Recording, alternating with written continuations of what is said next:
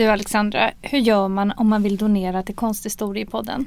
Jo, då går man in på vår Instagram-sida och så går man in på länk i bio och där finns det en knapp som heter Ge en slant till Konsthistoriepodden och den klickar man på.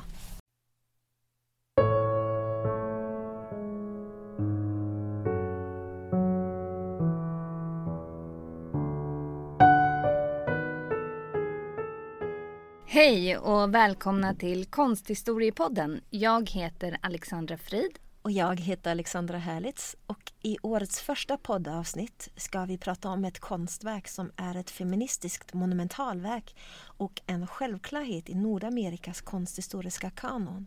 Vi ska nämligen prata om Judy Chicagos The Dinner Party som är ett nyckelverk för den feministiska konsten på 1970-talet. Verket skapades mellan 1974 och 1979. I ett stort mörkt rum möter vi en installation som består av ett triangulärt bord där varje sida av triangeln är 14,63 meter lång. I verket finns sammanlagt 1038 kvinnor från historien gestaltade. 39 av dessa kvinnor representeras av varsitt bordskuvert som står placerade på ett triangulärt bankettbord. Varje kuvertuppsättning består av en handmålad porslinstallrik, bestick i keramik, en kalk och ett servett med broderad guldkant. Varje kuvert står på en individuellt broderad bordslöpare. Förutom de 39 kvinnorna som hyllas i varsitt bordskuvert finns 999 namn inskrivna i 2300 porslinskakel som klär socken under bordet. På väggen vid entrén välkomnas besökaren av stora banderoller och till verket hör även väggpaneler som skildrar de representerade kvinnornas liv och en panel som visar fotografier på de medverkande i installationens tillkomst. Innan vi går in på verket tänkte vi berätta lite mer om konstnären Judy Chicago och om kvinnorörelsen i USA för att ge en idé om andan i vilken verket skapades. Judy Chicago föddes som Judy Cohen 1939. Hon studerade fri konst på UCLA i Los Angeles och avslutade studierna med en masterexamen. 1961, när hon fortfarande var student, gifte hon sig med Jerry Jerowitz och tog hans efternamn. Hennes make omkom i en bilolycka 1963 och hon blev änka vid 24 års ålder. Efter hans död kände Judy ingen koppling till vare sitt flicknamn Cohen eller sitt tagna efternamn Jarowitz.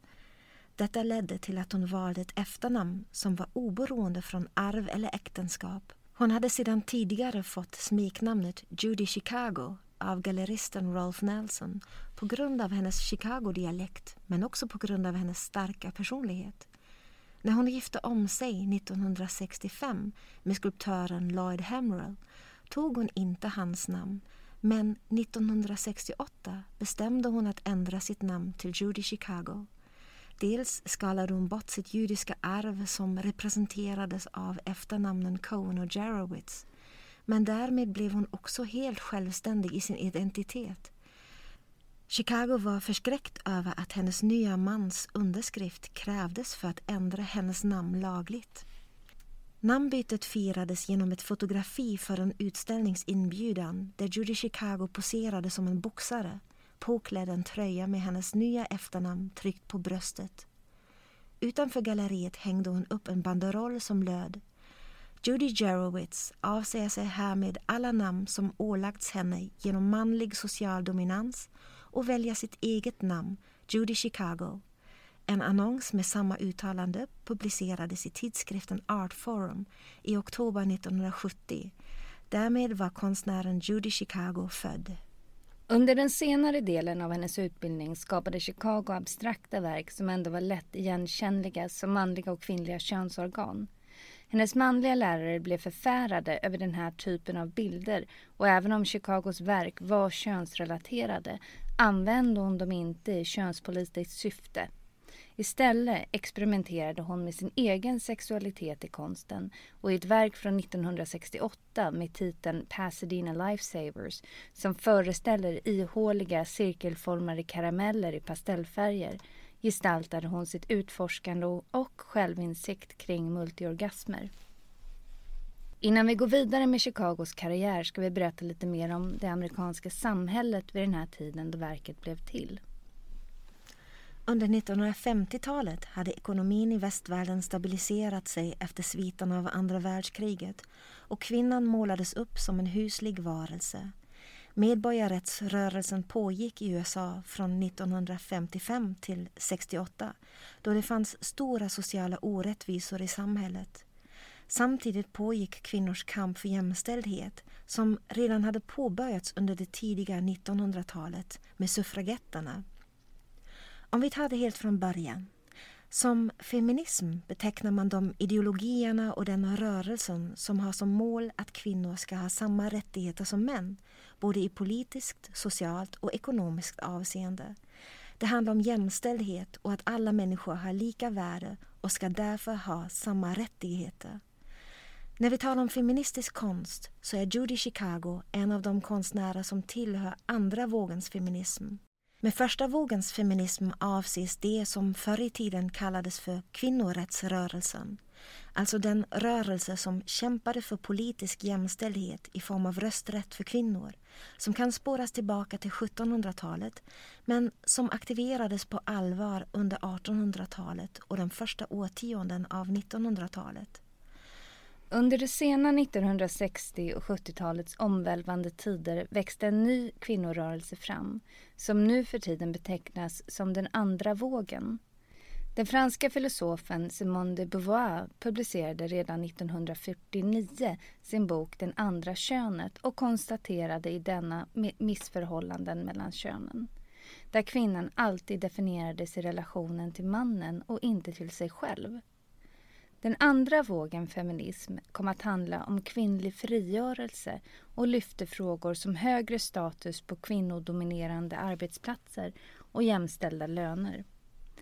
Även lagar om preventivmedel, abort, våldtäkt, pornografi och misshandel av kvinnor i hemmet tematiserades i hög grad. På 1960-talet introducerades p-pillret vilket kanske gjorde så att generellt sett blev det en öppnare syn på sex i samhället. Många feminister ansåg att rätten att kunna kontrollera sin egen fortplantning var kanske den allra viktigaste rättigheten. Frågor som är minst lika aktuella och laddade idag i USA. 1963 publicerades boken Den feminina mystiken av Betty Friedan där hon kritiserade hemmafruidealet som var rådande i USA vid denna tid. Fridans syfte var att slå hål på myten att kvinnor endast kunde finna lycka i hushållsrelaterade uppgifter och att ta hand om barnen. Publikationer som dessa la grunden och understödde en annan självinsikt som kvinnor fick under den här perioden. Trots det ökade engagemanget upptäcktes snart att könsrollerna förblev de samma även inom alternativrörelsen. Männen stod för talandet, skrivandet och tänkandet medan kvinnor fick inta en traditionell roll i vilken de lyssnade, städade, lagade mat och var tillgängliga för sex. Utifrån dessa nya tankar som spreds började en ny kvinnorörelse växa fram under det sena 1960-talet och tidiga 1970-talet, det vill säga den kvinnliga frigörelsen, då man försökte påverka lagar och ändra folks attityder. I USA fanns många problem med diskriminering. På 1970-talet ska en afroamerikansk kvinna ha tjänat i genomsnitt 40 procent av vad en afroamerikansk man gjorde. Det pågick alltså ett mångdubbelt förtryck som baserade sig på fattigdom, hudfärg och andra faktorer.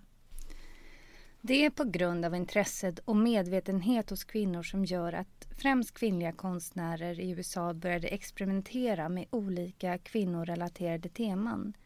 Det började att tänja på de feminina bilderna och förvandlade dem till uttalanden eller direkta påståenden i deras verk. I början av 1970-talet anordnade California State University i Fresno under ledning av Judy Chicago och Miriam Shapiro den första feministiska högskolekursen inom feministisk konst. 15 kvinnliga studenter registrerades på kursen och drillades hårt av deras lärare. Studenterna samarbetade i konsten, hade gruppseminarier, dels diskuterades kurslitteratur, men de samtalade också om livserfarenheter och vad som påverkade deras konst. Gemensamt utvecklade studenterna och lärarna en kvinnlig ikonografi. Kursen undervisades utanför campusområdet för att slippa närvaron och därmed mäns förväntningar enligt Chicago. Pedagogiken skilde sig från en traditionell utbildning. Här valde man inte medium och koncentrerade sig på det utan studenterna arbetade med koncept utan gränser för konstnärsmedium. Kursen skulle utvecklas till The Feminist Art Program som sjösattes våren 1971. Det här blev det första feministiska högskoleprogrammet av dess slag i USA. The Fresno Feminist Art Program fungerade som inspiration och modell för andra feministiska utbildningar och utställningar, exempelvis den berömda studentutställningen Woman House från 1972. 1974 började Judy Chicago arbetet med verket The Dinner Party i sin ateljé i Santa Monica. Hon föreställde sig då ett teaterstycke med samtalande kvinnor från historien. Men över tid ändrades hennes vision och hon började planera hundra porslinstallrikar som skulle berätta heroiska kvinnors historier. Hon hade idéer om ett mindre projekt. Den första idén skulle kallas Dinner Party och 25 kvinnor som åts upp levande skulle gestaltas genom 25 målade fat som skulle vara placerade i en middagsdukning antingen i form av ett långbord eller ett runt bord. Hon var inte alls säker på hur hon skulle lösa vissa aspekter såsom stolar och beskrev senare hur hon kämpade med formen. Fyra år senare, 1978, berättade Chicago för en journalist att hon hade varit på en middagsbjudning av akademisk kar karaktär. Männen var alla professorer och alla kvinnor var disputerade men saknade professurer. Enligt Chicagos berättelse hade alla dessa kvinnor talang men satt tysta kring bordet medan männen höll låda. Hon började tänka i banorna att det aldrig i konsthistorien hade funnits en nattvard, alltså en scen med Jesus sista måltid med lärjungarna där deltagarna hade varit kvinnor. När Chicago tänkte ut sitt monumentalverk blev det allt tydligare och viktigare att verket skulle handla om kvinnors prestationer och gärningar och att de skulle hyllas i ett och samma verk. Hon sa jag bestämde mig för att tallriksbilderna skulle fysiskt resa sig från bordet som symboler för kvinnors frihetskamp. Hon funderade huruvida det skulle finnas bilder placerade framför tallrikarna med skrift på baksidan. Hon fantiserade om ett brett utbud av representerade kvinnor från väldigt kända, skickliga kvinnor som glömts bort av historien. Kvinnor som varit gifta med kända män och som offrat sina egna karriärer till och med undanskymda kvinnor som aldrig nått framgång eller erkännande. Chicago hoppades att kvinnorna skulle gestaltas i fjärilsliknande bilder. Hårda, starka, mjuka, passiva, ogenomskinliga, transparenta. Alla skulle vara individuellt gestaltade och hon ville att de alla skulle vara cunts, alltså fittor, men samtidigt vara kvinnliga fjärilar. De skulle på en och samma gång vara snäckor, blommor, köttiga, alltihop på samma gång. Beslutet att utveckla det här fjärils eller vulvamotivet blev väldigt kontroversiellt. Bilder föreställande det kvinnliga könsorganet har i och för sig existerat i tusentals år där de tillsammans med fallossymbolen fungerat som fertilitetssymboler. Men i USA speglas istället det puritanska arvet ihop med kristendomens historia om jungfrufödsel.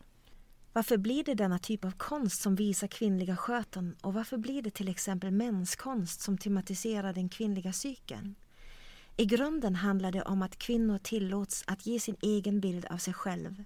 Inte en bild som ska behaga en manlig publik utan en bild som ska erkänna kvinnan, om vi tittar på bilden av kvinnan i konsthistorien genom tiden så har vi ju främst med estetiserade figurer att göra som motsvarar de gängse skönhetsidealen.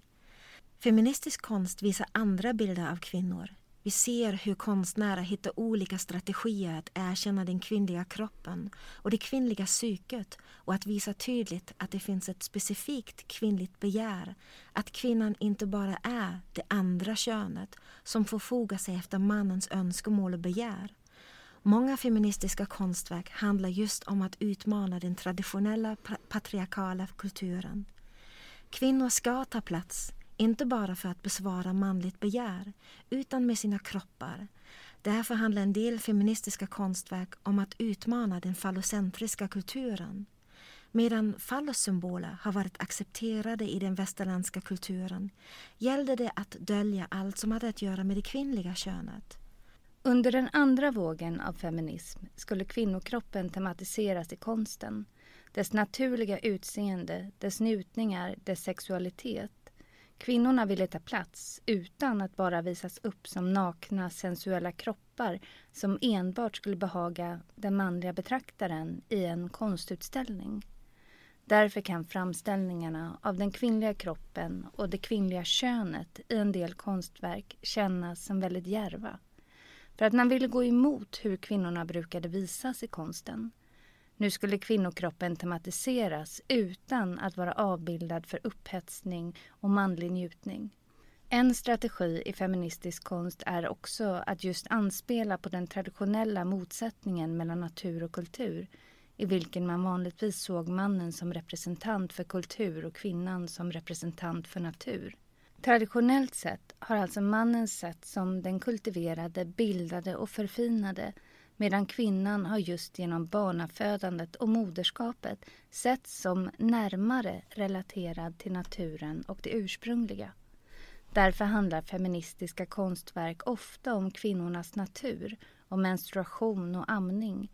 Samtidigt innebär det ett förnekande av kvinnors sexualiserade kroppar.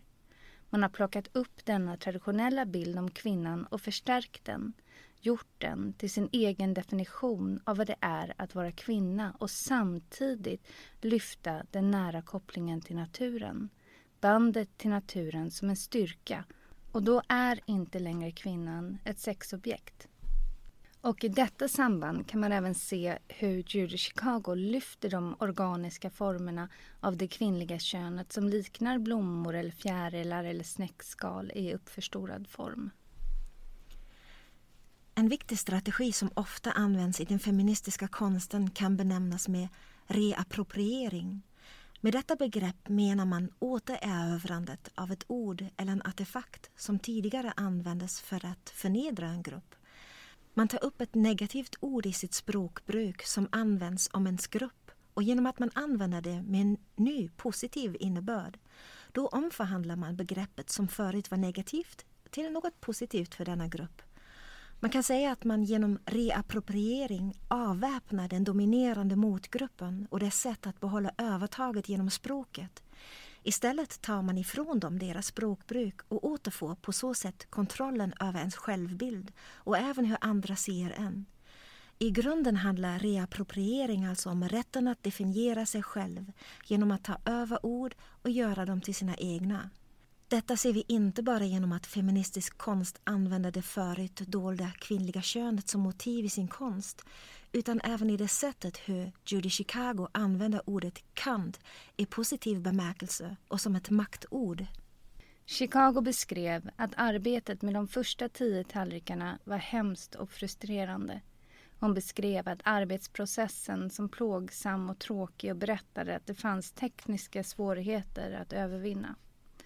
För att lätta på trycket från den tröga processen tränade hon på gym i slutet av dagen.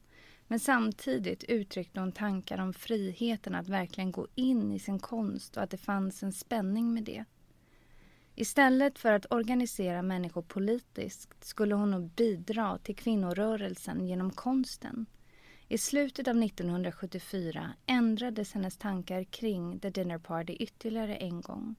Hon såg det inte längre som om 25 kvinnor skulle ätas upp men istället en kvinnlig version av nattvarden. En armé av de mest betydande kvinnorna från mytologi, historien, fiktionen. Alla som hade blivit korsfästa på grund av deras kön. Hennes uppfattning var att en var av de här kvinnorna som hon valt ut skulle kunna ha varit en av Jesu lärjungar. Alltså, de hade kunnat påverka och forma världen om det inte hade varit för att de hade varit kvinnor.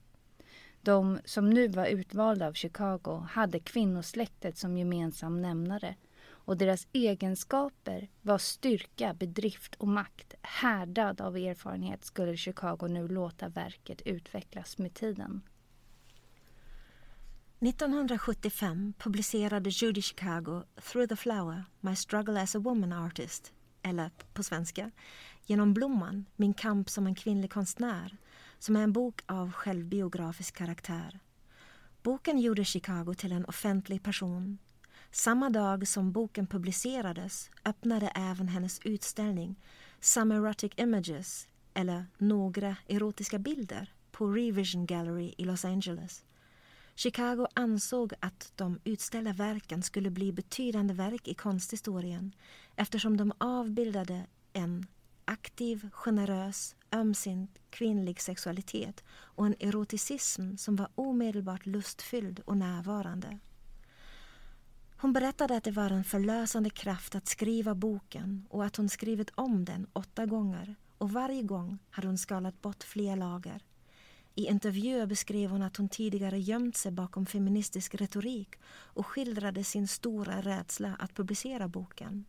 Chicago upplevde att det samhälle hon var uppvuxen i hade format kvinnor att skämmas för vad de var och vad de verkligen kände. Boken fick blandade recensioner. Samtidigt fortsatte arbetet med The Dinner Party. Hon skrev till konstkritikern, curatorn och författaren Lucy Lippard om verket och berättade att allt hon ville var att arbeta vidare med The Dinner Party. I ett brev till Leopard skrev hon att hon i början av projektet hade haft idén att göra någon typ av lite lätt research tillräcklig för att skapa en påhittad mytologi baserad på lite historisk fakta. Men hon kom fram till att hon hade hittat så många källor att hon behövde lägga till material så att verket kunde växa ur materialet och inte tvärtom. I samma brev erkände hon för Lippard att hon såg det som en omöjlighet att slutföra verket till 1977. Verket växte och växte. Tidigt på året 1975 beskrev Chicago sin arbetspraktik som följande. Amatörer arbetar när de känner för det. Om du är en professionell konstnär arbetar du vare sig du känner för det eller inte. Hon sa att hon började arbeta vid nio och arbetade sedan i sju timmar, sju dagar i veckan. Vuxna arbetar, tillade hon. Kvinnor har blivit infantiliserade och att inte arbeta är en del av det. Verket hade nu utvecklats till ett bord i triangelform med 13 kvinnors fat på vardera sida placerat på ett porslinsklinkersgolv som hon då kallade för historiens golv, the history floor. Chicago beklagade sig till en journalist. Nu vill folk bara förminska min konst till, oja, ja, nu är det bara vaginor vilket det inte är. Det är inte det jag håller på med. Jag håller på med metafysisk konst. Jag tror att Georgia O'Keeffe genomgick något liknande när folk begav sig med alla freudianska analyser av hennes verk. O'Keeffe svarade jag är en målare, jag är en konstnär. Georgia O'Keefe skulle få en väldigt viktig plats i The Dinner Party men mer om detta berättar vi senare. Pressad av tid och ekonomiska skäl insåg Chicago att hon inte skulle kunna bli keramiker på överkomlig tid och sökte därför efter en skicklig assistent. Allt eftersom hittade Chicago den hjälp hon behövde. I oktober 1975 kontaktades hon av den 21-åriga Judy Keys som ville bli hennes lärling. Keys anslöt till projektet först 1977 och då Keys kunde sy kunde hon hjälpa till med de omfattande broderierna men skulle även bemästra keramik och bistod Chicago även i den delen av projektet. Keys mindes att hon broderade en del, målade lite porslin men mestadels arbetade hon med keramikbesticken, porslinklinkers och fat. Chicago hade ensamt påbörjat The Dinner Party men redan efter några månader hade hennes koncept utvecklats till att det krävde hjälp från andra människor. Hon byggde upp en beredskap med hundratals volontärer som hjälpte till med att förverkliga verket. Volontärerna bidrog med sina olika färdigheter inom konsthantverk, grafik, fotografi och forskning och de arbetade tillsammans under Chicagos vägledning. Judy Chicago beskrev arbetet i ateljén som en struktur av självförsörjande grupper som arbetade under hennes vägledning samtidigt som de arbetade i lag genom delat ansvar och ärlig dialog. Det kollektiva arbetet blir viktigt om man vill uppnå ett så stort mål som jämställdhet i samhället. Det ser vi även i många konstverk och konstnärliga samarbeten. Konstverken kan vara skapade i stora samarbeten, liksom Judy Chicagos verk. Judy Chicagos verk är inte målad med olja på duk och känns på detta sätt inte som ett klassiskt konstverk. Istället så intar verket ett helt rum. Dessutom är även valet av medium en grundläggande princip i verket. The Dinner Party förenar porslin och keramik med broderier och vävningar och grafik. Detta är ett statement i relationen till konsten har konsthantverk ofta betraktats som om det var underlägset eller hade mindre värde just eftersom dessa konstnärliga verk inte enbart fanns för konstens skull utan de hade ett brukssyfte, en funktion. Det är denna funktion som obefogat nedklassade konsthantverket i sin konstnärlighet i den allmänna uppfattningen. Denna attityd gentemot konsthantverket kommer också till uttryck i titeln på en skrift som engelsmannen William Morris publicerade 1882 som hette The Lesser Arts of Life, alltså de mindre konsterna i livet. William Morris var en förespråkare för konsthantverket framförallt i motsatsen till de industriellt massproducerade föremålen som började översvämma marknaden under 1800-talet. När han benämner konsthantverk som glaskonst, keramik, vävning som the lesser arts of life så är det polemiskt då hans syfte i denna skrift var att lyfta konsthantverkets status. Morris tankar fick stor genomslagskraft för hans skrifter hade en betydande del i den förändrade attityden gentemot konsthantverket som ledde till en rejäl uppsving i hela västvärlden under 1800-talet. När den feministiska konsten under 1960 och 70-talet alltså använder sig i högre grad av konsthantverkliga tekniker och material i sina konstverk så är det en subversiv akt då de leker med hierarkierna. De använder sig av konstens underdog, konsthantverk, för att skapa just finkonst. Hierarkierna som ska vältas tematiseras alltså på sätt och vis även i materialen. Man använder sig av tekniker och medier som uppfattas som opretentiösa och folkliga. Detta fenomen har faktiskt hållit i sig sedan denna tid och idag finns det många konstverk som går under rubriken craftivism. Craftivism är alltså en sammanslagning av det engelska ordet för hantverk och aktivism. Under begreppet craftivism samlas en mängd olika hantverksmässigt utförda konstverk som har ett tydligt politiskt budskap. Det kan vara feminism eller genusfrågor men lika gärna handla om annan samhällskritik som exploatering av fattiga länder. Varför konsthantverk lämpar sig så bra för feministisk konst har att göra med genusaspekten i valet av just de konsthantverkliga teknikerna. Konsthantverk förknippas lätt med den kvinnliga sfären, det vill säga hemmet. Traditionellt sett är det kvinnan som inredde familjens hem och skapade och valde textilier och keramik och andra föremål som finns i ett hem. Just det textila konsthantverket, som vävning och broderi, har traditionellt sett som kvinnliga sysselsättningar och även resultaten har förknippats med femininitet. Under andra vågen av feminismen har många konstnärer just lyft dessa genusspecifika föreställningar om att konsthantverk ses som något kvinnligt och använt sig av dess tekniker och material. Även denna typ av materialval kan alltså ses som en reappropriering, ett erövrande av något som har förknippats med kvinnor och femininitet och som man sedan har tagit kontroll över och gjort till sitt eget och till något positivt. Detta är någonting som vi även ser i Sverige på 1960 och 70-talen och det är en tid då faktiskt Göteborg träder fram med tyngd på den nationella konstscenen. Det vet alla som till exempel under hösten 1975 besökte Röska museet och såg utställningen Verkligheten sätta spår där sju kvinnliga konstnärer Elsa Ageli, Inga Björstedt, Aja Eriksson, Sandra Ixe, Bibi Lovell, Gunvor Nordström och Inga-Lill Sjöblom hade flyttat in sina vävstolar i utställningen och skapade sina alster där.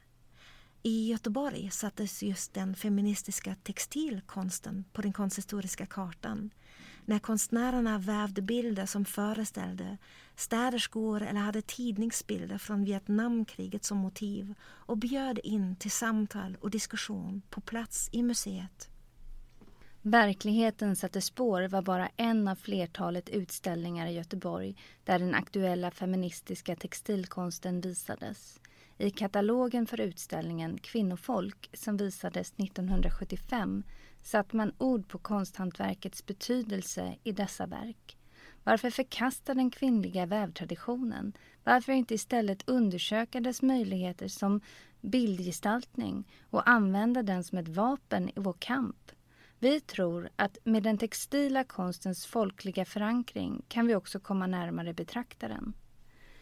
I den feministiska konsten under andra vågen i Sverige tematiserades ofta kvinnans vardag med hushållsarbete och barnavård, kvinnodominerade arbetsplatser som sjukhus och daghem, men också relationen mellan kvinnor och män, barn och andra kvinnor och just kvinnlig kamratskap. Vi har pratat en hel del om Chicagos arbetsprocess och nu kommer vi att gå igenom verket som det är visat idag på The Brooklyn Museum of Art det är ett intrikat och komplext verk och inte helt enkelt att beskriva. The Dinner Party består av fem huvudsakliga komponenter. Sex vävda banderoller vid entrén som välkomnar besökarna till middagsbjudningen som The Dinner Party ska föreställa. Den huvudsakliga komponenten är det stora festliga bankettbordet som är arrangerat i form av en triangel. 39 individuella bordskuvert är placerade på bordet, 13 på vardera sida av triangeln. Bankettbordet vilar på ytterligare en komponent i installationen, det så kallade Heritage Floor, det som Chicago från början kallade för History Floor, som alltså har bytt namn till Arvsgolvet. Det är klätt med glänsande porslinsplattor i vilka namnen efter 999 mytologiska och historiska kvinnor är inskrivna. Det är namn som konstnärerna Frida Kahlo, Rosa Bonheur och även drottning Kristina av Sverige för att bara nämna några. Till arvsgolvet hör ytterligare en komponent, nämligen de sju Heritage Panels, eller arvspanelerna, som är storskaliga collage med foto och text som är färglagda och målade för hand. De sju arvspanelerna skildrar liven av just de 999 kvinnorna vars namn är inskrivna på arvsgolvet. Sist men inte minst finns det paneler som kallas för acknowledgement panels och som visar svartvita fotografier av de 129 medarbetarna av det kreativa och administrativa teamet som arbetade med The Dinner Party de här panelerna visas inte i Brooklyn Museum idag men bevaras på museet. Den viktigaste delen av The Dinner Party är bankettbordet arrangerat i form av en triangel, en symbol för jämlikhet. I verket finns 39 hedersgäster som hyllas med varsitt bordskuvert. På broderade bordslöpare finns en kalk, bestick, en servett med en broderad kant och ett målat porslinsfat med vulvamotiv som har sin inspiration i fjärils eller blomform. Varje kuvert återgavs i en stil som passade den enskilda kvinnan som hedrades. Verket följer en kronologi där kvinnor från olika tider representerades. Den första av triangelns sidor börjar med kvinnor från forntiden och judendomen och fortsätter med den grekiska och romerska antiken. På nästa sida av triangeln får vi följa kvinnor från tidig kristendom genom reformationen och fram till barocken. Den italienska barockkonstnären Artemisia Gentileschi kan nämnas som en av de representerade kvinnorna. Den tredje sidan hyllar kvinnor från 1600-talet fram till den amerikanska målaren Georgia O'Keeffe som sätter slutpunkten som en av 1900-talets viktigaste kvinnliga konstnärer. Georgia O'Keeffes konstnärskap har dock även varit en av utgångspunkterna för Judy Chicagos formspråk och ikonografi i verket och därför ska vi berätta lite mer om henne, hennes verk och liv och hennes bordskuvert i The Dinner Party. Georgia O'Keeffe föddes 1887 och dog 1986 och blev en av de mest kända amerikanska målarna. Hon betraktas ofta som föregångare till den feministiska konströrelsen i USA eftersom hon arbetade i ett fält som dominerades av manliga konstnärer, kritiker, gallerister och curators som var mycket kritiska mot kvinnliga konstnärer. Trots dessa hinder hade O'Keefe en framgångsrik karriär och utvecklade en distinkt stil och skapade blommotiv som skulle kunna tolkas som organiska vulvaformer. O'Keefe växte upp på en gård i Wisconsin och tog konstlektioner från mycket ung ålder, precis som Judy Chicago själv gjorde. O'Keefe deltog i kurser på Art Institute of Chicago under ett år och studerade vid det renommerade Art Students League i New York City. På The Art Students League skolades hon i en realism som var mycket populär i USA. Platser, människor och saker skulle vara sanna i sitt utseende. Under en sommarkurs för konstlärare vid University of Virginia 1912 kom hon i kontakt med konstnärliga teorier som gick ut på att uttrycka sina egna tankar och känslor i konsten. Det här gav Georgia O'Keeffe ett nytt tillvägagångssätt och hon började måla igen efter en fyraårig paus. 1915 arbetade O'Keefe som konstlärare och skapade en serie abstrakta kolteckningar som skulle visa sig vara början till hennes karriär som konstnär. Teckningarna hamnade i den berömda fotografen Alfred Stieglitz händer. Stieglitz ägde det välkända galleriet 291 i New York. Han ställde ut O'Keefes verk och inom loppet av ett år fick hon en separatutställning där. 1918 flyttade hon med Stiglitz ekonomiska stöd till New York och de två blev ett par och gifte sig 1924. Paret levde i New York och från 1929 började O'Keefe tillbringa sina somrar i New Mexico. Platsen som så småningom skulle bli hennes hem och som sägs ha påverkat hennes konst kanske mest av allt. Stiglitz främjade hennes konst och hon hade, för att vara kvinna, många utställningar på 1920-talet. Den första retrospektiva utställningen av hennes verk ägde rum på Brooklyn Museum 1927. Stiglitz fotograferade O'Keefe och ställde ut fotografierna av henne. Flera av dessa nakenbilder var med erotiska inslag. Några år efter makens bortgång 1946 flyttade O'Keefe permanent till New Mexico. Hennes syn försämrades på 1970-talet vilket ledde till att hon slutade att måla. Hon fortsatte dock att teckna ända fram till 1984 men 1986 dog hon vid 98 års ålder. Sedan 1920-talet växte hennes popularitet delvis på grund av den feministiska rörelsen och det förnyade intresset för kvinnohistoria. Hennes uttalanden som Männen tyckte att jag blev den bästa kvinnomålaren. Jag tyckte att jag är en av de bästa målarna ledde till att hon blev en förgrundsgestalt inom den amerikanska feministiska konsten. Vissa av tallrikarna i The Dinner Party är alldeles plana medan andra reser sig i vinkel som högreliefer mot betraktaren. O'Keeffes tallrik är en keramisk avbildning av hennes motiv och former som hon använde i sina egna målningar. Chicago hyllar därmed både O'Keeffes bildspråk såväl som hennes konstnärskap. Hon uppmärksammar också det inflytande som O'Keeffe hade på feministiska konstnärer och i intervjuer har Chicago sagt att O'Keeffes verk var avgörande för utvecklingen av en autentisk kvinnlig ikonografi som vi ser i The Dinner Party. Även bordslöparna på O'Keeffes kuvert anspelar till hennes konst. Färgerna är utvalda utifrån O'Keeffes målningar. På framsidan av löparen finns hennes namn broderad på tyget. Den första bokstaven i hennes namn, G, liknar ett djurhorn så som de ofta skulle bli avbildade i hennes målningar.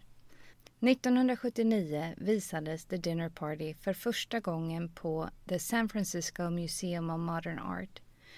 Tusen personer kom till vernissaget och under de kommande tre månaderna som verket ställdes ut såg ungefär 100 000 besökare den monumentala installationen som hyllade kvinnohistorien. Efter utställningen turnerade verket över hela världen fram till 1996 då det magasinerades. Elizabeth A. Sackler, styrelseledamot på The Brooklyn Museum, började diskutera möjligheten till ett centrum för feministisk konst med museets ledning. Hennes stiftelse, Elizabeth A. Sackler Foundation, köpte verket The Dinner Party 2002 och donerade det till museet. Sedan 2007 är verket permanent installerat på The Brooklyn Museum of Art. Egentligen finns det så mycket mer att säga om detta banbrytande verk, inte minst då det är så omfattande med dess detaljrikedom och alla dessa personligheter som omnämns och gestaltas i verket och även den stora mängden av människor som medverkade i dess tillkomstprocess.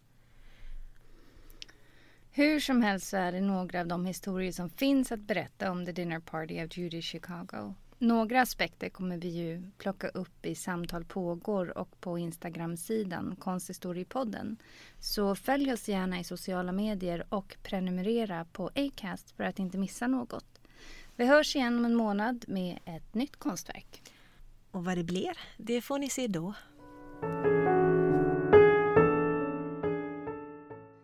Konsthistoriepodden görs i samverkan med Göteborgs universitet och stiftelsen Gustav Adolf Bratts föreläsningsfond.